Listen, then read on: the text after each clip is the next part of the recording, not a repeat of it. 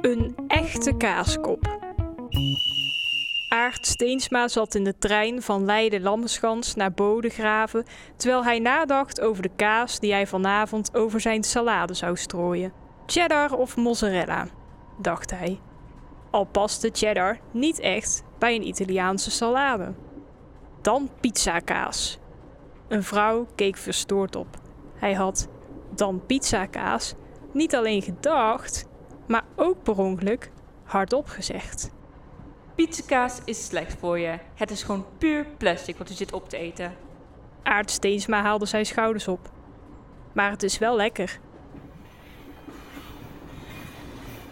De kaasvrouw begon een eeuwig voortdurende monoloog over plastic en wat er allemaal slecht aan was. Aart keek naar buiten. De bomen, de ratelende kaasvrouw en het weiland schoven als een afwisselend mantra aan hem voorbij. Boom, koe, weiland, boom, koe, weiland. Toen hij uitstapte op het station, was er nog iets vreemds. Een hijskraan. Nu is een hijskraan natuurlijk niet heel vreemd. Maar naast ieder perron stond er eentje. Ze tilden de treinstellen allemaal één voor één op. Iedere trein die aankwam, werd opgetild en afgevoerd. Waar gaat dat naartoe? vroeg Aard verbaasd aan een man in uniform. Ja, naar de, naar de schroot. Net als alle andere treinen. Weet, weet je dat dan niet? Aard zijn dag werd steeds opmerkelijker. Eerst een kaasvrouw, nu een hijskraan. Wel ja.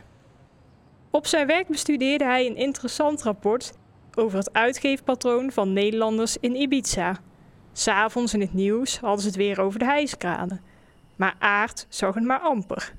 Die nacht werd hij opgeschrikt door een schrapend geluid. Geschrokken rende hij naar het raam. Potjandori, brulde hij. Een hijskraan liet een stuk trein in zijn tuin vallen. Wat moet dat? Een taak van de gemeente? Taak van de gemeente?